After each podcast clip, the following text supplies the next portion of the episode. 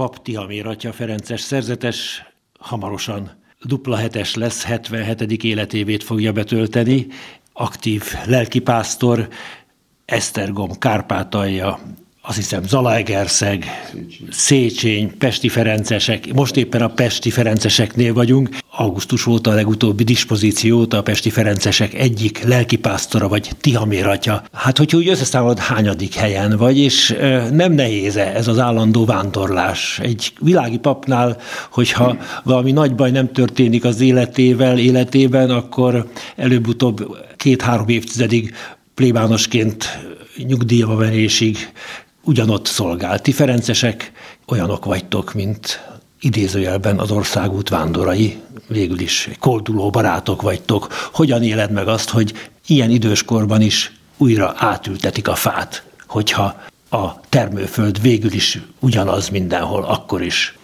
Röviden, tömören úgy fogalmaznék, hogy a szabadság örömével élem meg ezt a folytonos változást, mert ahogy említetted, gyakorlatilag ugyanabban a földben, más-más helyen. Ez viszont azt jelenti, hogy mindig újabb és újabb szempontok, távlatok, kihívások, lehetőségek, akár a javításra, akár a újnak a kezdeményezésére. Tehát inkább abban segít, hogy ne túl hamar öregedjek meg mentálisan, hanem mindig várakozva tekintsek előre, mi az az új, amit az Úristen nekem szánt, amire meghív, és amelyel új lehetőséget ad.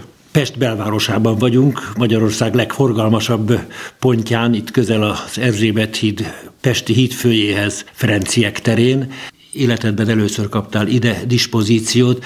Jó lehet most járvány időszaka van, talán nem úgy működik olyan üzemmódban az ország legforgalmasabb temploma, ahogy azt az évtizedek során, évszázadok során megszokta Pest, Budapest, illetve az ország népe, mert az egész ország a vonzás körzete ennek a templomnak egyedülálló hely. Milyen az üzemmód most? Hogyan tudjátok betölteni azt a feladatot, amelyért itt vagytok járvány idején? Amennyire tömören meg lehet fogalmazni ennek a templomnak az igazi vonzásköre a folyamatos gyóntatás és a szentviség.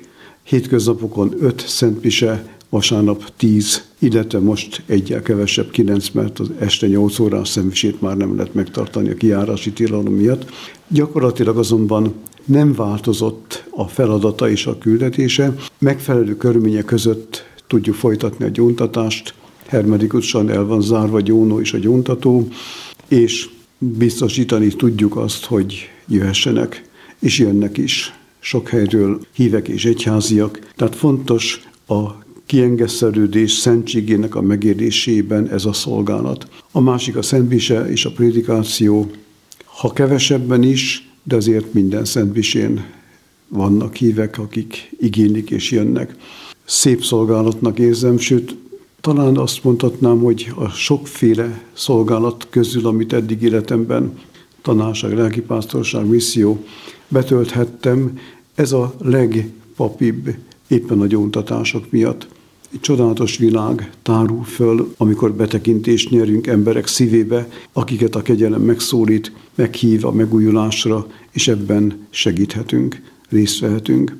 Minden gyónást olyan megtiszteltetésnek érzek a szolgálatomban, amivel a Jóisten megajándékoz, és lehetővé teszi, hogy hozzájáruljak emberek életéhez. Ez a szolgálat továbbra is fontos marad, és bízom benne, hogy a járvány bármilyen korlátozása megőrzi ezt a lehetőséget, hogy segítsünk embereknek. Egy időben innen is online közvetítéssel működtek a szertartások, figyelembe veszük mindig a lehetőséget. És hát azon kívül, hogy most idézőjelben mondom, mezei lelkipásztor vagy, mert voltál tanár voltál, plébános voltál, misszionárius, rengeteg minden voltál, házfőnök, stb. Most a gyóntatás, szent mondás a fő feladatod, de a világi rendországos asszisztense vagy, és hát azt hiszem, hogy az is azért feladatot jelent ma is. Szívesen vállaltam ezt a szolgálatot is, hogy a Ferences világi rendnek a segítésére lehessek. Hiszen a Ferences családnak olyan ága, akik a világban élnek, családban, munkahelyen, a társadalomban, és mégis az a feladatuk, hogy az evangélium szellemét adják tovább saját életükkel, példájukkal, imádságukkal. Ezért őket segíteni, támogatni a Ferences életünknek a kibontakozását, megerősödését jelenti. Az asszisztensnek a feladata éppen az, hogy a katolikus egyházhoz és a Ferences rendhez való hűséget segítse, őrizze, támogassa a világban élők között. Ezek különböző kihívásokat jelentenek, amelyek az életükben tapasztalható problémák, válságok, küzdelmek. Ezért fontos világosan látni, hogy mit jelent a világban kovásznak lenni, Jézusról, az evangéliumról tanúskodni, és az ő szeretetét továbbadni, illetve az iránta való bizalmat föntartani. Örömmel teszem, nyilván ehhez szükség van arra is, hogy magam is éljem és törekedjek rá, és merítsek ebből a forrásból, de ha megosztom, akkor én magam is még gazdagabbá válok.